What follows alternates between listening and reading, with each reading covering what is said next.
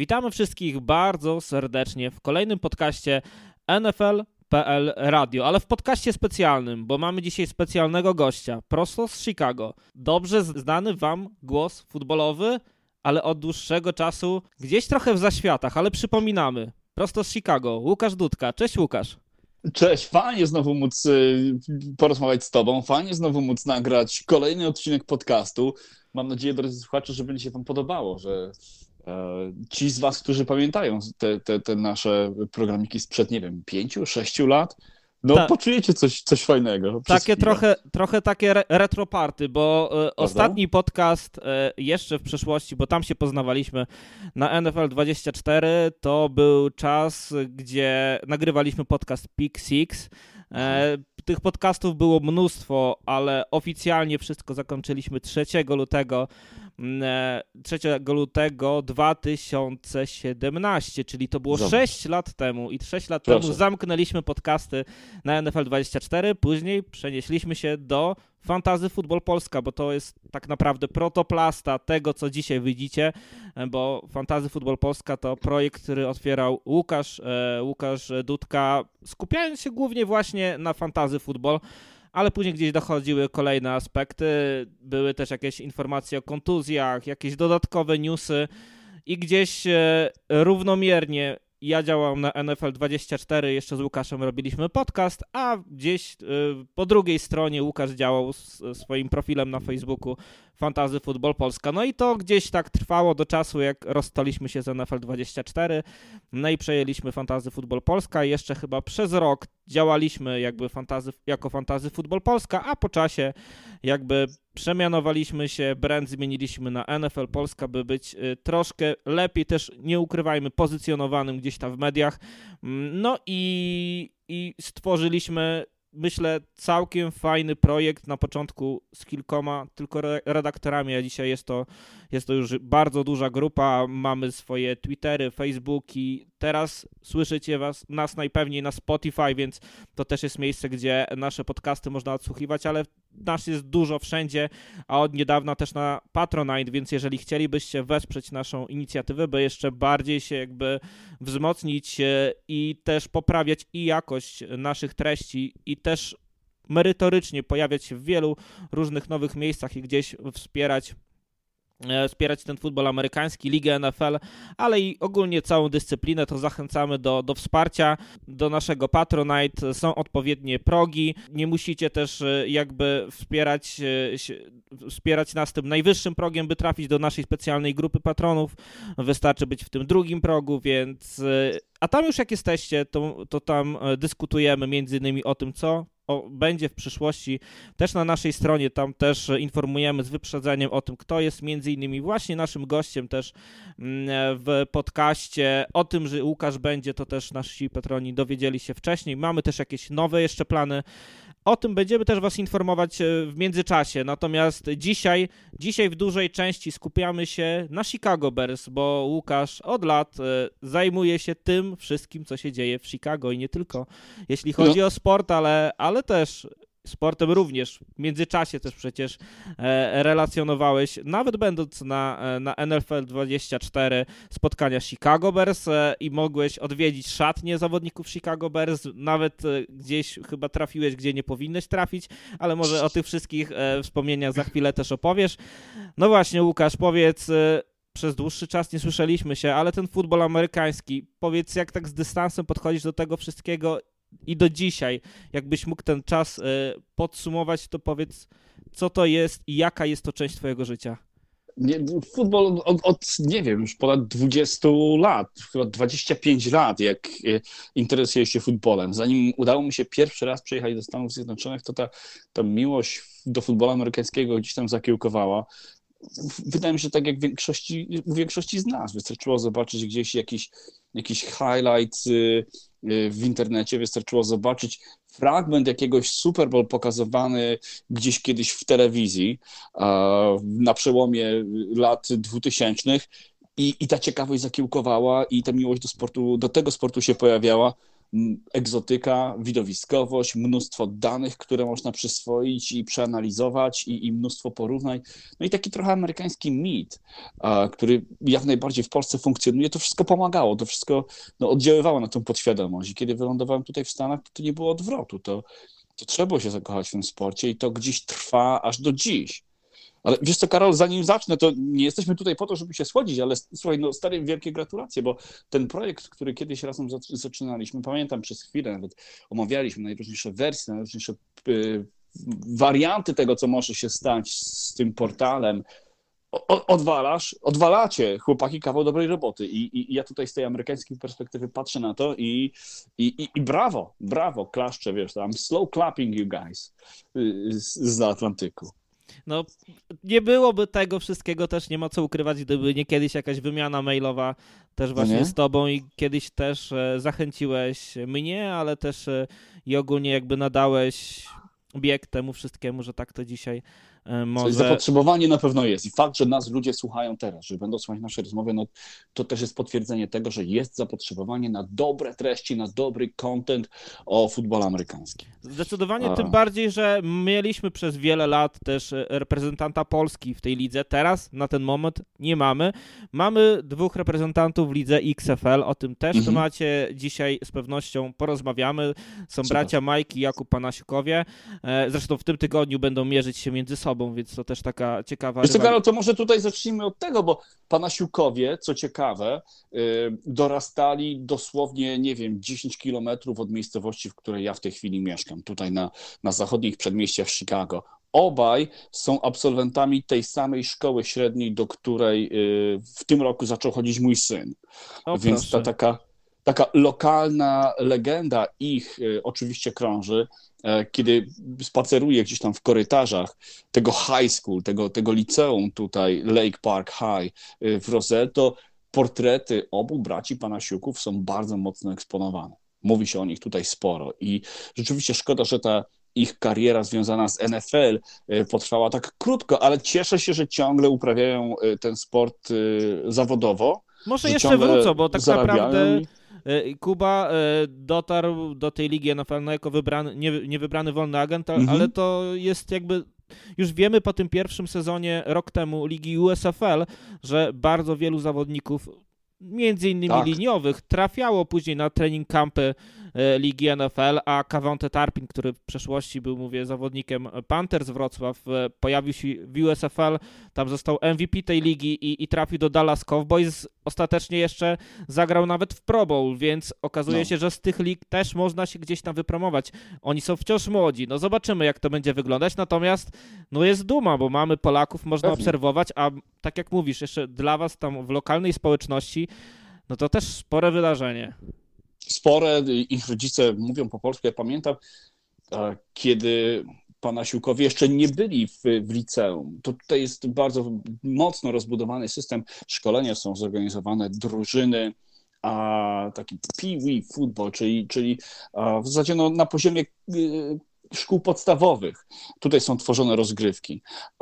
Te drużyny funkcjonują jak takie mini zawodowe kluby y, z, z pełnym zapleczem treningowym, z mm, fajną organizacją, z klubami czy liderskimi. Ja pamiętam, jak oglądałem pana siłków właśnie na tym poziomie, nie w high school, ale na tym poziomie, który bezpośrednio poprzedzał rozgrywki high school.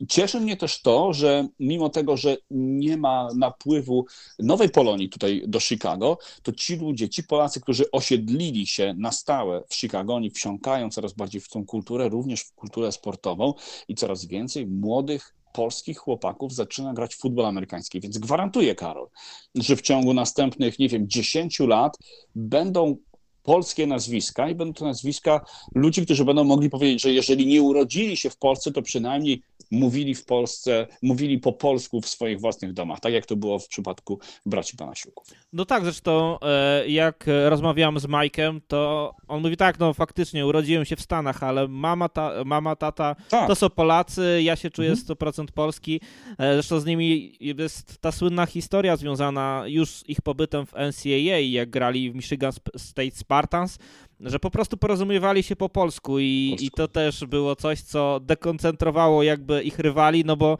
ktoś mówi w jakimś języku coś i nie wiadomo o co chodzi. Kody, sygnały. Tak. Aha. I, tak. i, I, właśnie też, e, też o, tym, o tym opowiadali. Ale to też mówisz, że jakby to się gdzieś zmienia i że trafiają gdzieś ci polscy zawodnicy. Będziemy mieli też przedstawiciela e, w tym roku e, w NCAA w Wyoming, czyli w uniwersytecie, z którego pochodzi Josh Allen. Mm, zresztą z tym chłopakiem też będziemy rozmawiać niedługo w naszym podcaście, więc o tym, o tym powiemy szerzej zapewne też niedługo. Natomiast, no mówię, to jest taki gdzieś chyba cały czas schemat, który gdzieś może doprowadzić nam jakiegoś Polaka właśnie do ligi, czy to NFL, czy może XFL, USFL, może do tych lig, które gdzieś e, wpłyną na to, że ten sport będzie jeszcze bardziej e, w Polsce promowany. No z Jakubami Panosiukami e, jest tak, że no oni jakby też są może bardziej dostępni w off-season, chociaż jakby mhm. rozmawiałem z Mike'em niedawno i może jest szansa, że gdzieś jakąś rozmowę się e, uda załatwić, ale to też jest jakby mm, na tym poziomie już nawet tak, że jeżeli chcesz z konkretnym zawodnikiem porozmawiać, a nie jesteś przedstawicielem telewizji, czy, czyli no bezpośredniego nadawcy, to trzeba gdzieś pewne procedury przejść i jak chcesz rozmawiać z zawodnikiem NFL, to tak samo trzeba gdzieś się zgłaszać do jakiegoś rzecznika prasowego, o coś prosić, jakieś rozmowy, tak, jakieś zgody. akredytacje i tak dalej, i tak dalej. To jest skomplikowany proces rzeczywiście, ale wiesz co, no fajnie, trzeba próbować, tym bardziej, że to oni mają fajne, fajne historie do powiedzenia. Warto tego posłuchać. To prawda. Dobra, no to Łukasz, przechodzimy do mięcha, e, ale jeszcze w tym temacie. E, dlaczego w Chicago nie ma XFL i USFL? Przecież w przeszłości w Chicago były nawet dwie drużyny NFL, mhm. a co teraz to umiera, to zainteresowanie tym futbolem amerykańskim, o co chodzi? Wiesz co, tak naprawdę po, po tych 20 paru latach mieszkania w Chicago, może powiedzieć, Chicago wcale nie jest sportowym miastem. E, owszem, jest tu mnóstwo tych, tych zawodowych drużyn, jest, jest e, wiesz, NFL, dwie drużyny baseballowe, jest drużyna NHL, e, NBA oczywiście, jest drużyna Major League Soccer, ale tak naprawdę to te drużyny cieszą się mega popularnością tylko wtedy, kiedy wygrywają. W zasadzie jedynym fenomenem są Chicago Bulls, którzy wyprzedają United Center niezależnie od tego, czy grają dobrze, czy źle. Tam zawsze jest trudno kupić bilety i tam zawsze bilety są drogie. Ale na przykład mieliśmy kilka wspaniałych lat wielkich sukcesów e, naszych hokeistów, Chicago Blackhawks, gdzie e, sala pękała w szwach, gdzie bilety, ceny biletów były no, kosmiczne, a w tej chwili y, no, nie udaje się wypełnić trybun i no, w zasadzie tam 20-30 dolarów spokojnie można przed meczem kupić bilet i, i obejrzeć praktycznie każdy mecz hokejowy. Taka sama sytuacja dotyczy Chicago Cubs. Tam, kiedy Cubsi przegrywają, to, to nie ma nikogo na trybunach. Kiedy Cubsi, tak jak w 2016 roku, sięgają po tytuł, yy, trybuny są zawsze wypełnione, bilety wyprzedane z ogromnym zapasem i potem na rynku wtórnym yy, sięgają niebotycznych cen. Y, ale tak chyba jest wszędzie. Y, w Chicago na dodatek nie ma jakichś dodatkowych y, imprez, które nie byłyby związane z tymi czterema głównymi, dużymi rozgrywkami. Tutaj oprócz maratonu chicagowskiego nie dzieje się nic. Mm, I, i, i to źle. I to, to pokazuje o tym, że to pokazuje, potwierdza fakt, że Chicago tak naprawdę kocha tylko, tylko niewiele dyscyplin sportu. Zobacz, w 2000... A czy Chicago kocha dalej Chicago Bears? Tak, jak najbardziej. Berci są ciągle tą uwielbianą drużyną, chociaż tak naprawdę za, y, y, zainteresowanie się zmniejszyło ze względu na brak sukcesów sportowych. Czyli wracamy I... do tego, o czym już mówi, mówiłeś, że jednak tak to jest. trochę tacy sezonowcy. Jak jest dobrze, to przychodzą, jak nie jest dobrze, to chętnie obejrzą ten mecz, ale na przykład przed kanapą.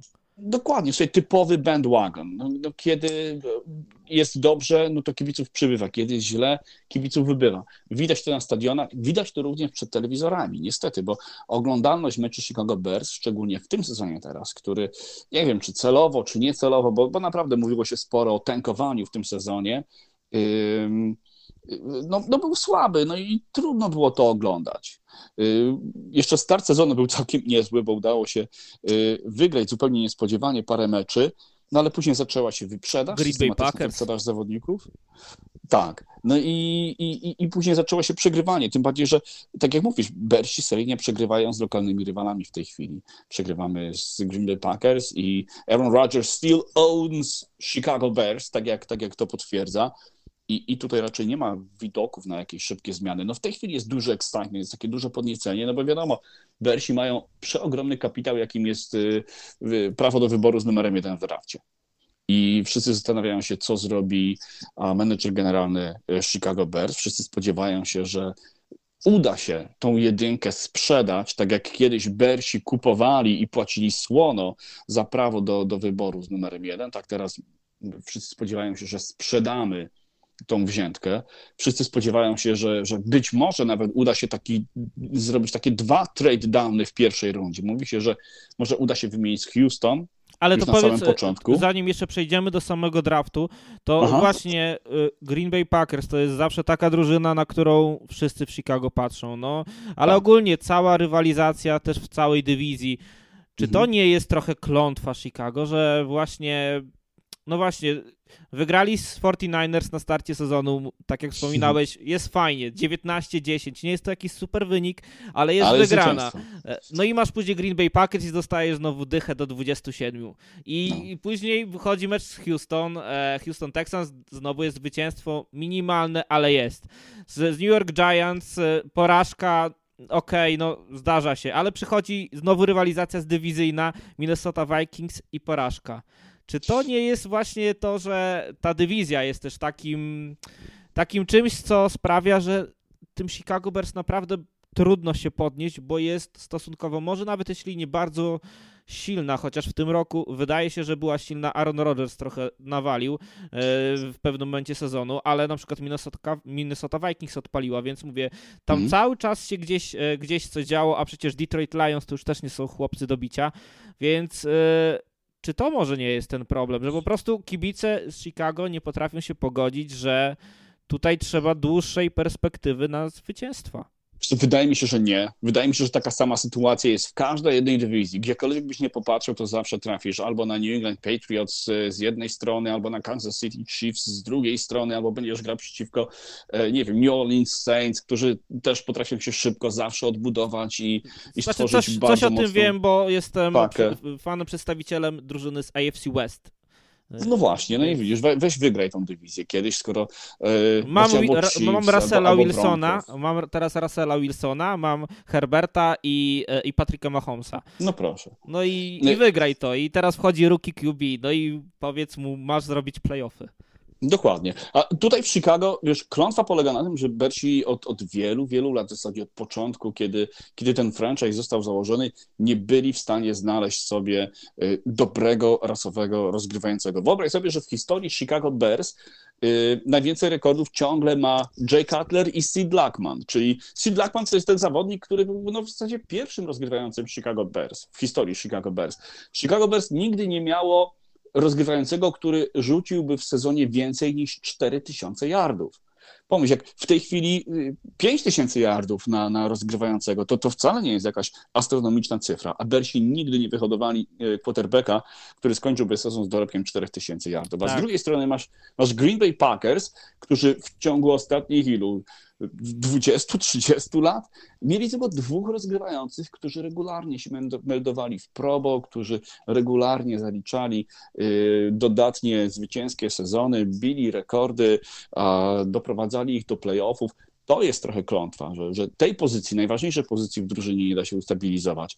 A co się Ale zmieniło jest... w szatni? Bo też znamy tych starych Chicago Bears i tam właśnie mówię, w tej szatni nawet bywałeś. E, powiedz, mm co się zmieniło w tej e, mentalności może budowania drużyny i mm samych mentalności zawodników, którzy w tej drużynie się pojawiają? Czy czy widzisz taką różnicę, że ktoś jednak, e, no bo nawet jak spojrzysz na, na Raiders, no to jednak tam są dalej niepokorni ludzie, tam jeszcze ktoś po jakimś wyroku, czy jakiś potrzebuje jakiejś drugiej szansy. E, czy Darren Waller jest ostatnio też takim przykładem. E, zawodnik, który ma jakiś potencjał, ale trzeba gdzieś go odbudować. Próbowali bu budować kadrę na takich trochę charakternych liderach. Charles Woodson to jeszcze był gościu, który wrócił na ostatnie lata i też był takim właśnie jednym z liderów. Czy to nie mhm. jest tak, że trochę Chicago Bears wyzbywa się tych liderów i dlatego też to trochę tak wygląda? Bo nawet w tym ostatnim przecież sezonie pozbyli się jednego ze swoich głównych gwiazd, oddali do, do Baltimore Ravens i, i jednak e, no, Khalil Mack też pozyskany z, tak. z Oakland Raiders i też się go pozbyli. I jak to właśnie ty widzisz, patrząc przez perspektywę ostatnich lat, czy, czy to nie jest coś, co co po prostu zmienia się w zły sposób mhm. dla, dla Chicago i dlatego brakuje tej drużynie charakteru.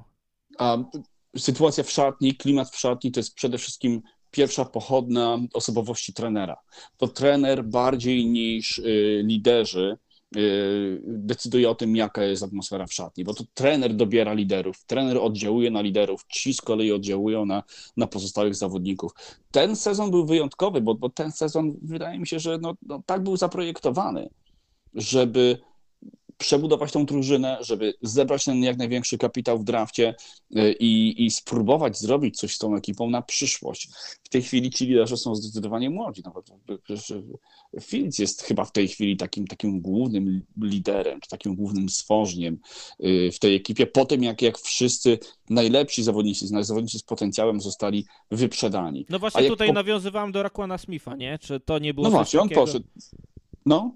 Z Roquanem Smithem były bardzo trudne negocjacje. To jest jeden z tych zawodników, który nie ma swojego własnego agenta. Więc y, front office Chicago Bears rozmawia bezpośrednio z nim.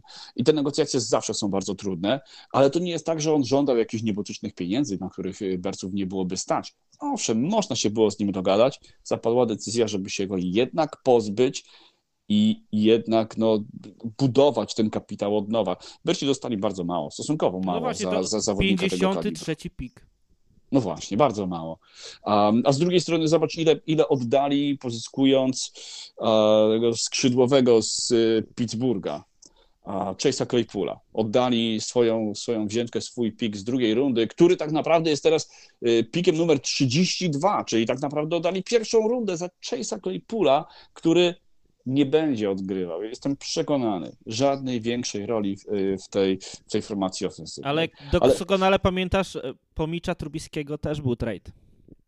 No właśnie i wtedy Belsi zapłacili bardzo dużo, żeby tego Trubiskiego zdobyć. Ja mam nadzieję, że równie dużo otrzymają Belsi w tej chwili, w tegorocznym drafcie. I tutaj piłka jest zdecydowanie po stronie menedżera generalnego Chicago Bears. Ten gość w tej chwili musi nie tylko sprzedać, ale dobrze sprzedać ten, ten pierwszy pik, na obłowić się tak bardzo, jak się tylko da. Wiesz, idealny scenariusz to jest trade najpierw z Houston, później trade z Indianapolis. To byłaby idealna sytuacja, gdyby Bersom udało się coś takiego wykręcić, zebrać kapitał na ten rok, na przyszłe lata i starać się coś z tym zrobić. Ale wiesz co, zacząłem mówić o trenerach, bo od czasów Lawiego Smitha, który był y, head coachem od 2004 do 2012 roku, potem jest ciągła karuzela, ten sam problem, z którym zmagają się innymi właśnie Oakland Raiders. Mark Trestman, fatalny coach, dwa lata. Potem John Fox, teoretycznie miała być stabilizacja, ale Fox był już na samym końcu swojej kariery trenerskiej. On przyjechał do Chicago zgarnąć tylko jeszcze wiesz, parę czeków, zarobić jakieś tam pieniądze na koniec kariery i się wylogować. Później, później Matt Nagy, który zaczął fajnie, został nawet trenerem roku, ile dobrze pamiętam, ale teraz wychodzą na wierzch wszystkie te, te anegdoty, sytuacji, jak wyglądała sytuacja w szatni z Matem Nagim. No i mamy w końcu Mata Iberflasa i tak naprawdę nie wiadomo, co o nim powiedzieć, bo gościu dostał y, y, tak, taki, wiesz, carte blanche teraz, żeby przebudować tą drużynę. Nikt nie ma do niego żadnych pretensji o to, że, że przegrywa mecze. Przegrał tych meczów aż 13, ale tak naprawdę nie wiemy, czy to jest gościu, który zbuduje ekipę, która będzie odnosić sukcesy. Nikt tego od niego nie oczekiwał w pierwszym sezonie i nie wiemy, jak się sprawdzi w sytuacji, kiedy te wymagania zaczną się nagle pojawiać. Zobaczymy, jak będzie wyglądała szatnia. Trudno powiedzieć. Tak, teraz e, wspomniany przez ciebie Matt Nagy to jest ofensywny koordynator e, Kansas City Chiefs i Patryka Mahomesa. To też historia nieźle zatoczyła koło, tak. bo miał e, to ten sam draft przecież Micza Trubiskiego przez wiele lat mhm. i i teraz ma Patricka Mahomesa też ten sam tak. draft i cały czas gdzieś to się toczy i będzie ciągnąć chyba zawsze tak. już za, za Chicago Bears. Dlaczego ten Mitch Trubisky, a nie na przykład właśnie Patrick no Mahomes, właśnie. czy choćby Deshaun Watson, to też ten sam draft. Tak, to, to też byłyby lepsze opcje, chociaż nie wiadomo, czy gdyby Mahomes trafił do Chicago Bears, czy rozwinąłby się i grałby tak dobrze, jak gra teraz. Bardzo możliwe, że że, że jego kariera zostałaby zaprzepaszczona, że jego talent zostałby zaprzepaszczony. Też trzeba pamiętać o tym, że Matt Nagy nie wybierał Trubiskiego. Ta decyzja o jego wyborze została e, podjęta rok wcześniej przez inny reżim. Nagi tak naprawdę odziedziczył tego rozgrywającego i widać było od samego początku, że oni chwalą się nawzajem,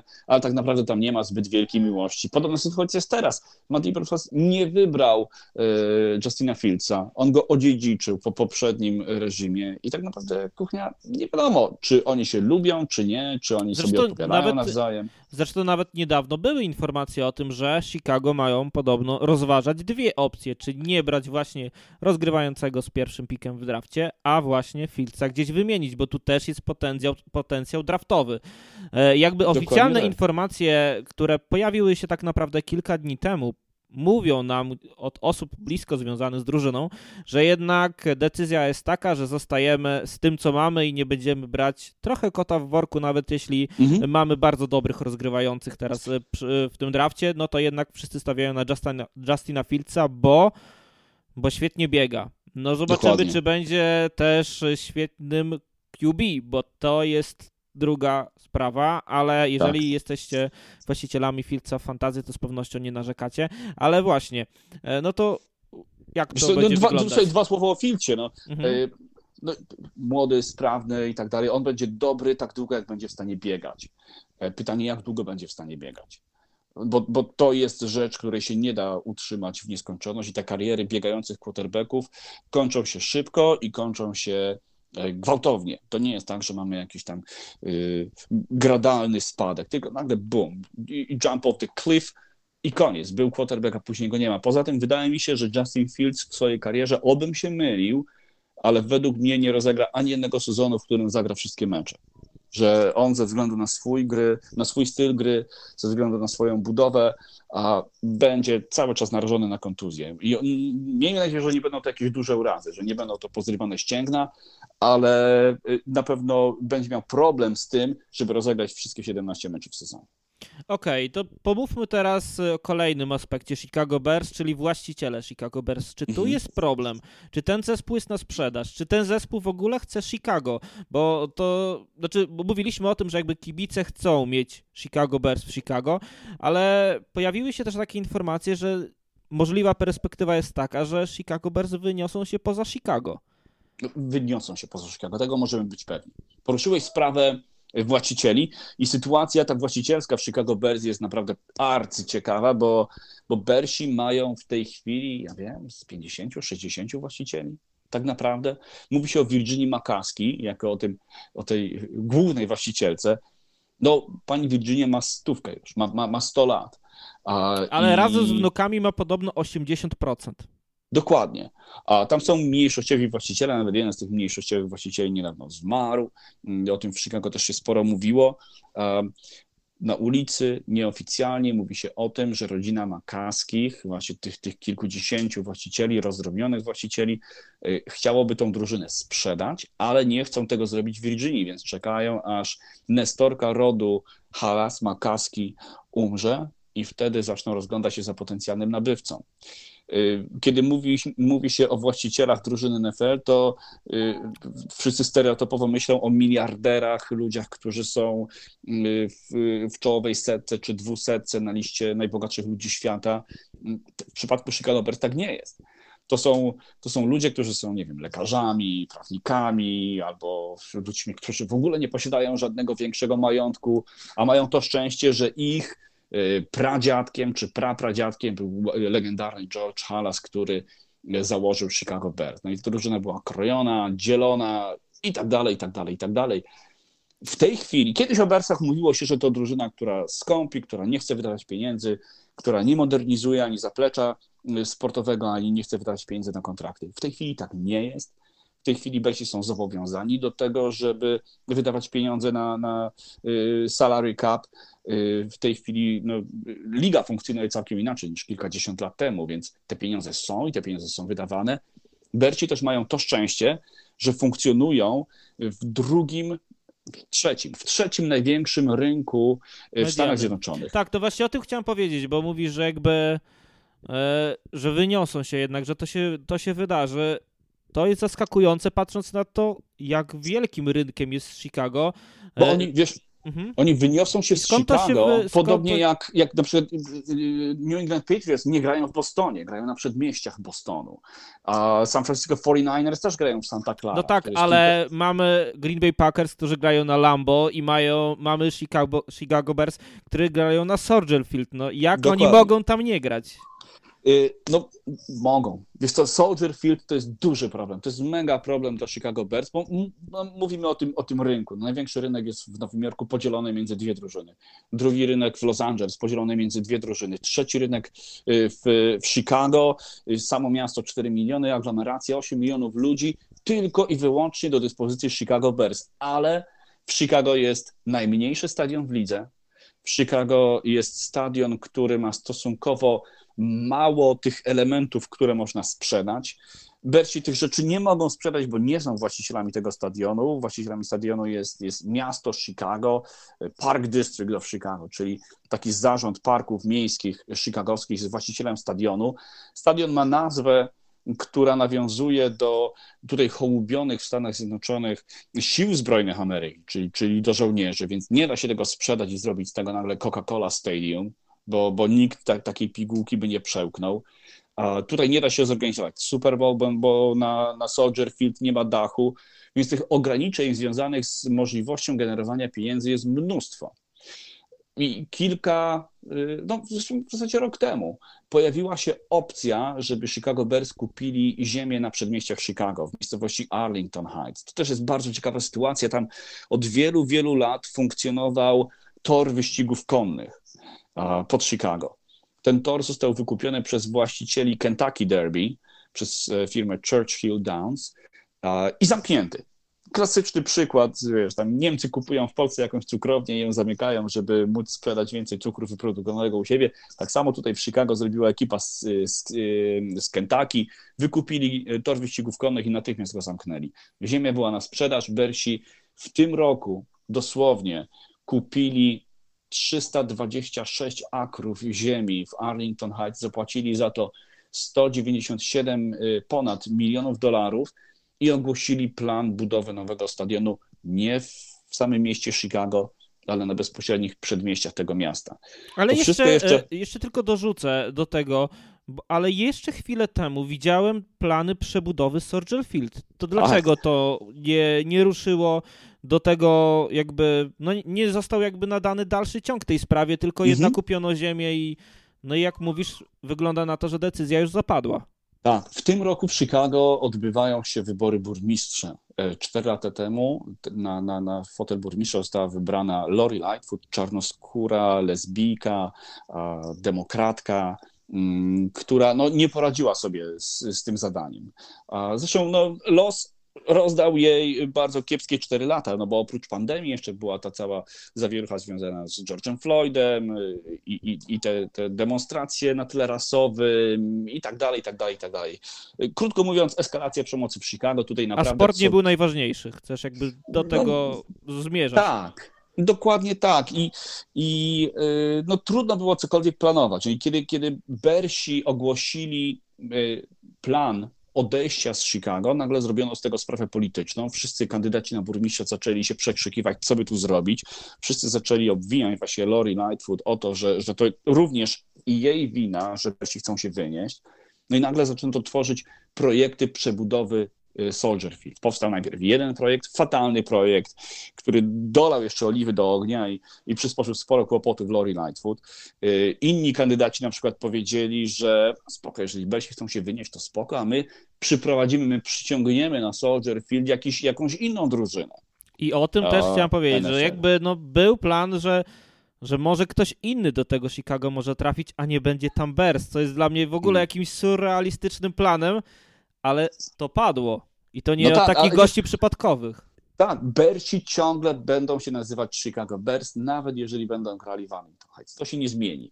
Czy do Chicago może trafić jakaś inna drużyna? Wiesz, tak jak, no nie wiem, kiedyś e, wielkie problemy w cudzysłowie mieszkaniowe mieli e, na przykład San Diego Chargers, no i dlatego przenieśli się do, do Los Angeles. E, wielkie problemy mieli Los Angeles Rams, bo grali na naprawdę fatalnym stadionie. Raiders mieli ogromne i to od lat. No prawda? I też nie było wiadomo gdzie, kiedy. Wydaje mi się, że w tej chwili większość drużyn albo pobudowała nowe stadiony, albo jest zadowolona jeszcze z tych budynków, które, którymi dysponuje. Nie wiem, kto byłby do wzięcia, kto byłby do przesunięcia do Chicago. Mówi się, Myślę, że Jacksonville Jaguars są ekipą do wzięcia, ale im chyba Chicago nie grozi. No właśnie, oni jeżeli już, to przyniosą się do Londynu, no bo... Yy, Dokładnie tak. Bo, bo, bo, bo tam z kolei właściciel jest, jest dosyć mocno umocowany i, i myślę, że NFL też niedługo będzie gotowy na taki europejski eksperyment.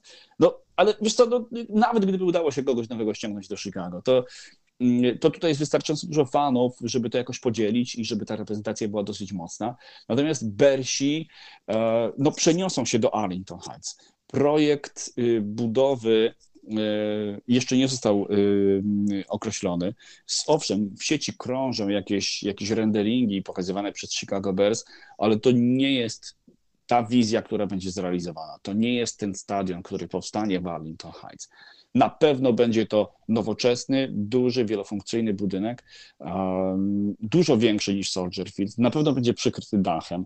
Na pewno dookoła tego y, stadionu powstanie kompleks y, y, handlowo-hotelowy, y, rozrywkowy, coś, co będzie takim futbolowym miasteczkiem Chicago Bears, coś, co będzie machiną do zarabiania dużych pieniędzy i coś, co, nie wiem, podwoi, potroi, no na pewno zmultiplikuje wartość Chicago Bears i wtedy będzie to drużyna, którą będzie łatwo sprzedać za przeogromne pieniądze tutaj w Chicago. I, I na to się wszyscy przygotowujemy tutaj w Wiecznym Mieście, bo, bo jest to proces, od którego nie ma już odwrotu. Pytanie, Soldier... co stanie się z Chicago Bears, z Chicago y, Soldier Field. No bo... właśnie, chciałem się spytać, czy to będzie takie cmentarzysko trochę? Chyba nie. Tam gra w tej chwili drużyna Chicago Fire z naszym Kacprem Przybyłko. Kacper Przybyłko e, rozpocznie jutro dosłownie drugi sezon w barwach Chicago Bears. Tutaj został ściągnięty za ogromne pieniądze Shakiri. E, I, i, zawsze tutaj będzie jakiś, jakiś duży, dobry zawodnik, więc...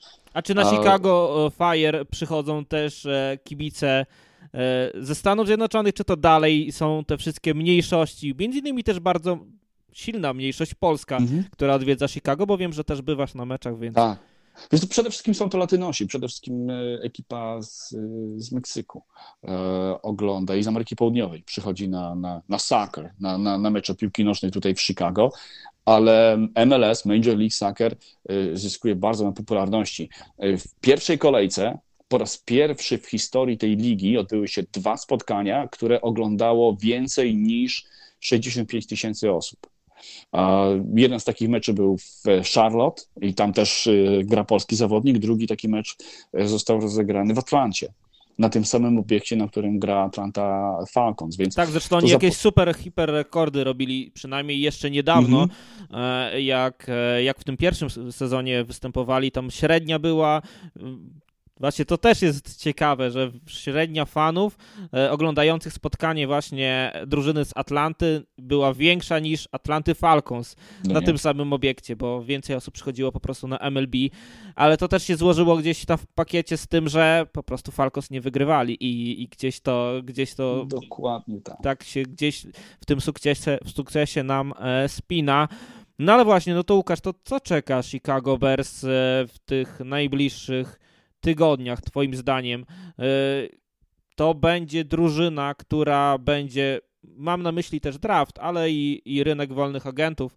Czy to będzie Właśnie. drużyna, która będzie zbierać piki dalej, będzie wyprzedawać się z kapitału kogo się da mhm. i jeżeli będzie potencjał pod zbudowanie drużyny na nowym stadionie, no to to będzie plan, żeby właśnie gdzieś celować za te 2, 3, 4, 5 lat, czy Chicago, kibice Chicago, nie Chicago Bears nie pozwolą na to, by tak długo to trwało? Okienko w tej chwili powinno się zacząć otwierać. Chicago Bears dysponują największą kasą do wydania w tej chwili w całej lidze, więc na pewno będą bardzo aktywni na rynku wolnych agentów. I ten, to free agency to jest kluczowy moment, bo każda drużyna się chce jak najlepiej ustawić przed samym draftem. Jeżeli wiesz, że potrzebujesz, załóżmy, nie wiem, nowego linemana, nowego skrzydłowego i jakiegoś nowego cornerbacka, że to są twoje trzy Y, pozycje, które musisz na pewno w jakiś sposób zaadresować i, i, i, poprawić. No to y, jako wolnego agenta chcesz wziąć przynajmniej jednego mocnego zawodnika na którąś z tych pozycji, żeby mieć większe pole manewru później w drafcie, żeby, żeby tych dziur do załatania w drafcie było stosunkowo jak najmniej. Bersi na pewno będą bardzo aktywni na rynku wolnych agentów, bo mają w tym roku najwięcej pieniędzy do wydania. Z drugiej strony, Wiadomo, w drafcie no, z jedynką, prawdopodobnie z dwójką y, pójdą rozgrywający. Rozgrywających Bersi nie potrzebują w tej chwili, więc wygląda na to, że będą chcieli się y, tego pierwszego piku pozbyć. Miejmy nadzieję, że im się uda. My na to tutaj tak, Chicago jeszcze bardzo mówiło liczymy. się, e, że Jalen Carter, czyli defensywny tako z Georgii, mhm. to może być gościu, który otworzy draft i, i, trafi do Chicago, jeżeli ekipa Chicago nie otrzyma odpowiedniej oferty. No ale wiemy, że teraz z Carterem są problemy, e, znaczy Carter ma problemy e, tak. prawne, więc myślę, że jego wartość sporo spadnie. No i Chicago trochę Bears są pod ścianą i myślę, że kluby też inne są trochę świadome tego, że Chicago Bears chcą sprzedać ten pik, no ale na korzyść Chicago Bears jest to, że dużo ekip potrzebuje klasowego no rozgrywającego i nawet mm, teraz y, mamy trwający scouting combine i rozmowy e, z zawodnikami, no i wiemy, że bardzo zainteresowani są e, wyborem rozgrywającego między innymi Indianapolis Colts, między tak. innymi nawet Las Vegas Raiders, e, ale i wiele innych drużyn, które może gdzieś tak po cichu przyglądają się tylko temu, jak ten proces e, draftowy wygląda. Może nawet Carolina Panthers, oczywiście tutaj też się mówi w kontekście o tym, że, no i e, New York Jets, że gdzieś do tej drużyny trafi najprawdopodobniej Derek Carr, więc pewnie mhm. przed draftem będzie odpowiedź co do tych drużyn, no i jedna z tych drużyn nam odpadnie, no ale mówi się wciąż, że New England Patriots też nie do końca są e, zadowoleni z tego, co posiadają, że może złożą jakąś ofertę, chociaż trudno mi sobie wyobrazić, żeby Bill Belichick e, skoczył po pierwszy pik w drafcie, no ale może to się wydarzyć, więc no właśnie, jak, no, jak to widzisz? Mówi się o tym, że, że Berci w tej chwili otrzymują multiple offers, czyli że tych ofert jest wiele, jest więcej niż jedna. I, jak przeanalizujesz y, wydarzenia w ostatnich draftach, nawet Bersi są tego idealnym przykładem, że, że ten number one pick overall kosztuje często wybór w drafcie w tym roku, w pierwszej rundzie i w przyszłym roku w pierwszej rundzie i gdzieś tam wziętka w drugiej czy w trzeciej rundzie w tym roku. I, i o coś takiego Bersi powinni w tej chwili się upominać, yy, otrzymując różne oferty. Ja wspomniałem o tym, że niewykluczone, że yy, uda im się zrobić jakiś blef i naciągnąć Houston Texans nawet, yy, żeby oni przeskoczyli z drugiego miejsca na, na, na numer jeden, tylko po to, żeby mieć pewność, że wezmą tego, kogo tak naprawdę chcą wziąć że nie dadzą się uprzedzić nikomu innemu. Bersi właśnie tak zostali wkręceni przez San Francisco 49ers y, parę lat temu, przeskakując z miejsca numer dwa na miejsce numer jeden. Y, no i teraz chodzi o to, żeby zabrać ten kapitał, żeby tych, tych wyborów w górnych rundach w tym roku i w przyszłym roku było możliwie jak najwięcej, żeby obłowić się mądrze na rynku wolnych agentów i stworzyć drużynę, która z Justinem Fieldsem, który powinien dobrze grać przez następne 2-3 lata, postarać się o to, żeby, żeby zagrać dobrze w playoffach. Tym bardziej, że wspomniałeś o sytuacji w NFC North. No, y, Aaron Rodgers y, też gwałtowny, naprawdę dramatyczny spadek poziomu jego gry. Ja nie sądzę, że stać go będzie na jakiś mega comeback i powrót do lat swojej świetności. Znaczy myślę, że e, jest jedna szansa, że jeżeli trafi do Raiders i do, do, do Devanta Adamsa, to może jeszcze no działając na tej znajomości Devanta Adamsa przez ale... tyle lat w Packers, może będzie mógł rzucać mu piłki w ciemno i Devante te piłki tak. złapie. Ale w Green Bay, czy widzisz jego szansę w Green Bay, gdzie coraz bardziej mówi się o konfliktach z młodym trenerem um, i, i Rodgers też y, y, jest mega gwiazdą y, w negatywnym tego sensie, tego y, znaczeniu tego słowa. Tak jak kiedyś był Brett Favre, ze względu na wiek coraz trudniej nawiązać mu kontakt z tymi młodymi zawodnikami, którzy no, z tą przeważającą większością y, w szatni y, i on będzie coraz większym outsiderem, tym bardziej, że Aaron Rodgers to nie jest taki charakter człowieka, którego wszyscy by lubili, z którym by się łatwo nawiązywało kontakt. Wystarczy zapytać kogokolwiek z jego rodziny, no to dowiesz się, jakim człowiekiem na co dzień jest Aaron Rodgers. Więc no i też będzie problem. I też e, to jego zachowanie niedawno, gdzie on mówi, że się udaje do tej ciemnicy, no on musi wszystko przemyśleć, co będzie, jak będzie, jak to będzie wyglądać za kilka tygodni. On też nie zostawia jakby odpowiedzi Green Bay Packers, e, co dalej z nim. Tak. I może być tak, że on faktycznie zostanie gdzieś wymieniony, a Green Bay Packers będą to drużyną, która będą szukać rozgrywającego, więc Ekipa Chicago Bears jest w bardzo dobrym położeniu. W dobrym położeniu, tak, bo przed Green Bay będzie kryzys. Minnesota Vikings to też jest ekipa, która się, jakby nie było, starzeje. No i tam mają świetnego skrzydłowego, czy, czy świetny kapitał w, na pozycji wide receivera, ale reszta drużyny już wcale nie wygląda tak różowo. A Detroit, o którym wspomniałeś, to po prostu Detroit. I tutaj choćby nie wiem co, to, to nie ma szans na to, żeby ta drużyna yy, kiedykolwiek, naprawdę kiedykolwiek. To jest jeszcze bardziej przeklęta drużyna niż Chicago Bears, jeszcze bardziej przeklęta drużyna niż Cleveland Browns.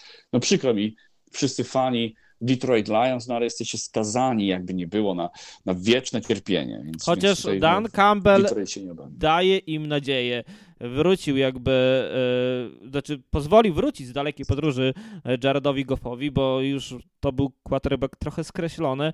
Wziął go do Lions i, i z tą całą swoją drużyną, tym co tam budował, trochę poka pokazali pokazał, pokazał, że Jared Goff jeszcze ma trochę paliwa. Nie wiem, czy to jest długie nie, pogadamy, pogadamy za rok. Wiesz, to jest Detroit Lions, to jest ekipa, która potrafi zdobyć najwięcej punktów w lidze przez pierwsze, nie wiem, cztery tygodnie i tak przegrać trzy mecze. Znaczy w tym sezonie też mieli takie problemy i to też był, był, był No, no tak właśnie, to ja mówię, mówię o tym sezonie, że oni, okej, okay, no wszystko wygląda Ale zobacz dobrze, nawet mamy... ten wybór Aidana Hutchinsona, też lokalna gwiazda. Powoli gdzieś jakaś taka nuta, mam wrażenie, yy, jakiejś legendy gdzieś tam w, tej, w tych Lions się tworzy, że jak przez te wiele ostatnich lat wiedzieliśmy, że jest tam Matthew Stafford i hmm. nic więcej, tak mhm. teraz został wymieniony Matthew Stafford i coś zaczyna powoli się zmieniać. A wbrew pozorom właśnie w Chicago Bears widzę coś takiego, Karo, że nie, nie widzę. Pogadamy, pogadamy za rok i Detroit będą mieli sześć zwycięstw na koncie maksimum na koniec sezonu. Może tak ja być. naprawdę ja wcale... nie, nie, nie, widzę nadziei. Tym bardziej, że to jest ekipa, która no, nie potrafi wykorzystać potencjału gwiazd i tam y, już nie chcę wracać do czasów Barego Sandersa czy, czy Megatrona, no ale, ale to nie jest tak, że im nie udaje się znaleźć tego, tego diamentu gdzieś tam w popiele, no ale co z tego, jak nie są w stanie stworzyć ekipy, która będzie w stanie wejść do playoffów i osiągnąć jakiś sukces w playoffach. Okej, okay, no to Łukasz, e, tak powoli zmierzając do końca, powiedz, jakie najbliższe tygodnie, y, to, znaczy jak to będzie wyglądać w przyszłości y, Chicago Bears takiej kilkuletniej, y, jeżeli chodzi o organizację. Wspomniałeś już o tym, raczej wynosimy się poza Chicago mhm. i, i, i ten stadion, raczej nowy właściciel mhm. i coś jeszcze chciałbyś dodać, co, co, co tu może się wydarzyć, no i czy ta liga nawet XFL czy USFL, jeżeli Soldier Field będzie wolne, dostanie szansę tam gdzieś się budować, bo widzimy, że, że te ligi też mają swoje problemy. I ostatnio e, oglądałem mecz w Las Vegas, chociaż trudno to nazwać meczem w Las Vegas, bo na takim stadionie, który pewnie nie, do, nie byłby dopuszczony do gry przez e, sędziów e, Polskiej Ligi Futbolu Amerykańskiego. Na naszej grupie fanów na Facebooku możecie sobie zerknąć w raport, jak, jak przygotowali debiut e, Vipers, czyli Las Vegas Vipers w Las Vegas, gdzie o tym meczu chyba nikt nie wiedział. Mecz wystartował, a tam na trybunach z 3000 ludzi oficjalnie było 6, a stadion mieści 12 tysięcy czy 10 mhm. tysięcy, więc pewnie statystycy powiedzą, 60% stadionu było wypełnione i brzmi to fajnie, ale jak spojrzysz, że to było 3000 w momencie startu spotkania, no to, to, nie, to nie gra ze sobą, no i może tak. właśnie jeszcze jakieś relokacje będą, ale czy Chicago będzie tym miejscem, gdzie zagości jakiś jeszcze futbol? Nie, nie sądzę. Nie sądzę, że będzie to futbol w którymś z tych wydań. Wiesz, ja y, mam dużo, wiele wątpliwości y, co do tego, jak y, jak długoterminowym przedsięwzięciem będzie Liga XFL. No bo przykłady tych, tych ostatnich lat no nie napawają Detroit mamy USFL teraz od tego no, sezonu. No właśnie i wiesz co, nie wiem, te, te ligi muszą y, Przede wszystkim muszą współpracować z NFL. Bez współpracy z NFL nie da się y, stworzyć ligi zawodowej, zawodowego futbolu w takim pełnowymiarowym wydaniu. Więc jeżeli nie będzie tej współpracy z NFL-em, to żadne z tych przedsięwzięć nie ma większej szans na powodzenie. Żeby drużyna trafiła do Chicago, no to, to, to musi być jakieś dodatkowe expansion, to musi być powiększenie ligi. I, i, jeżeli będą dodatkowe drużyny, dodatkowe franchises do, do rozdania w tej lidze, może, jeżeli Soldier Field będzie wolny, ale Soldier Field będzie wolny za, ja wiem, 4 lata najwcześniej, bo tak naprawdę ten obiekt, ten tor wyścigów końskich w nie został nawet jeszcze zburzony. Mhm. Więc cały proces budowy nie został jeszcze rozpoczęty. I, a to potrwa i, i, i, i to zabierze mnóstwo czasu, to zabierze mnóstwo pieniędzy. Więc mówimy tutaj o, o tym horyzoncie czasowym na poziomie 4-5 lat. Nie jestem przekonany, czy XFL, czy USFL wtedy będą jeszcze, uh, jeszcze istniały. Natomiast ja jestem mega podkręcony projektem Arena Football League, która ma wrócić. E, dostaliśmy niedawno e, press release, notatkę prasową, która informuje o tym, że e, liga zostanie reaktywowana, że ma być, już nawet nie pamiętam, ma około 20 drużyn i mam nadzieję, że jedna z tych drużyn będzie tutaj w Chicago, bo, bo, bo futbol halowy to jest coś, w czym, w czym byłem mocno zakochany. Tutaj, kiedy istnieli jeszcze, istnieli jeszcze Chicago Rush, drużyna, w, w którą bardzo fajnie, odmiana futbolu, którą bardzo fajnie się oglądało.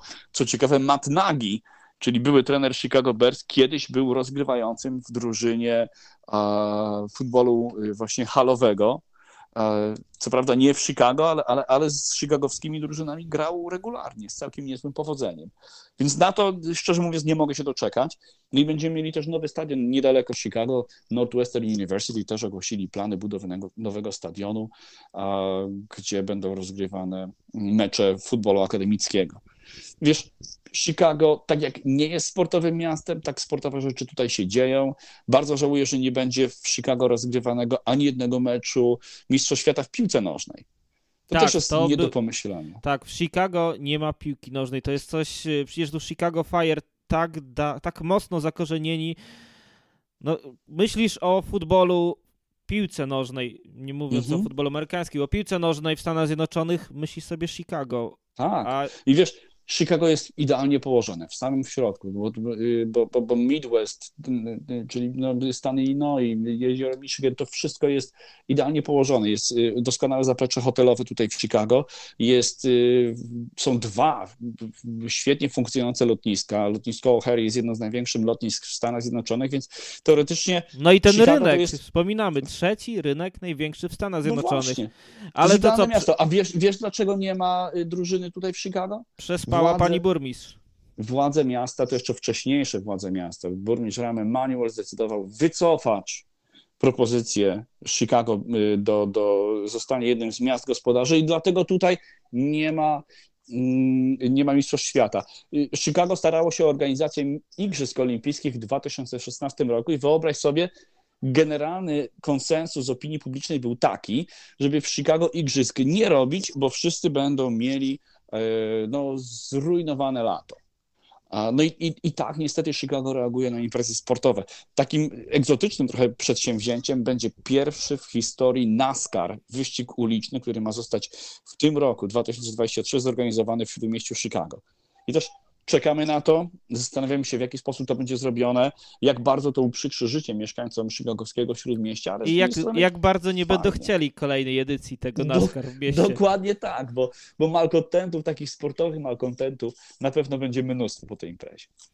Okej, okay, Łukasz, dzięki wielkie za blisko prawie godzinę ro rozmowy o tym, co się dzieje w Chicago w sporcie, a szczególnie szczególnie w Chicago Bears, bo to drużyna, która ma mnóstwo fanów, jak e, w Polsce, jak wspomniałem tylko, że, że będzie temat Chicago Bears w jednej z przyszłych e, audycji, to od razu wszyscy jakby... Nastawili uszy. Nastawili uszy, bo wszyscy chcą wiedzieć, co w tym Chicago jest. No jednak Chicago to jest miasto w dużej części polskie też, jeżeli tak. chodzi o te miasta imigracyjne. No i właśnie to jest e, takie gdzieś też e, taka wspom takie wspomnienia, że tutaj jednak też był fajny futbol, no i jest jednak też ta wielka rywalizacja Chicago Bears, Green Bay Packers. Ja ze swojego jakby osobistego Raiderso, Raidersowego serca też Chicago Bears bardzo często oglądałem, no bo właśnie, bo wymiana e, po Kalila Maka. Zresztą teraz ostatnio też zrobiliście, e, znaczy pozyskaliście byłego pierwszorundowca, mm. jeśli chodzi o, o, o zawodnika ex-Riders, czyli Alex Leatherwood. Nie wiem, czy cokolwiek z niego będzie, ale podobno Chicago Bears byli jedyną zainteresowaną drużyną, żeby odciążyć Raiders z kosztów utrzymania tego zawodnika, no więc jestem ciekawy, jaki tam jest plan na niego. E, może, może faktycznie jest jakiś plan, no ale no właśnie, to jest chyba melodia jakiejś tam dłuższej przyszłości, ale o Chicago Bears będzie mówić się w najbliższych tygodniach. Bardzo na pewno dużo. I, I, wiesz, musimy się koniecznie jeszcze y, umówić na, na, na rozmowę, kiedy no, będziemy przynajmniej po, po tej pierwszej rundzie draftu, kiedy będzie wiadomo, czy bez pieniężyli tą, tą pierwszą rundę, ten number one overall pick, co za niego dostali, kiedy będziemy mogli porównać y, te, te działania chicagowskiego front office z tym, co, co byli w stanie uzyskać ludzie w poprzednich latach, jestem mega ciekawy, bo Chicago staje w tej chwili przed ogromną szansą. Może nie w przyszłym roku, ale za dwa, za trzy lata to powinna być ekipa, która będzie miała gwarantowany udział w playoffach. Teraz przecież rozbudowanych playoffach, do tych playoffów jest łatwiej w tej chwili wejść niż, niż przed kilkoma laty. No i drużyna, która powinna mieć o wiele łatwiej w dywizji. A to, Zobaczymy. To jeszcze takie tylko krótkie pytanie, zanim kolejny raz się usłyszymy, bo tak jak mówisz, po drafcie koniecznie musimy i rynek wolnych agentów, i draft sam mm, omówić, no to jakbyś miał e, wytypować, bo raczej jesteśmy zgodni, że wymiana tego pierwszego piku to jest coś, co, co się wydarzy. To kiedy to będzie? Czy będziemy musieli czekać aż do draftu, czy może wcześniej? Myślę, że poczekamy aż do draftu. Myślę, że, że dowiemy się właśnie na drafcie, chociaż przecieków będzie, będzie sporo, ale to będą niepotwierdzone informacje. Okej. Okay. Ja nazywam się Karol Potaś, a moim specjalnym gościem w specjalnym podcaście NFL.pl Radio był założyciel Fantazy Futbol Polska i protoplasty NFL Polska Łukasz Dudka. Dzięki Było Łukasz. mi bardzo miło. Dzięki za zaproszenie, Karol, i do następnego razu. Do następnego. Trzymajcie się, cześć.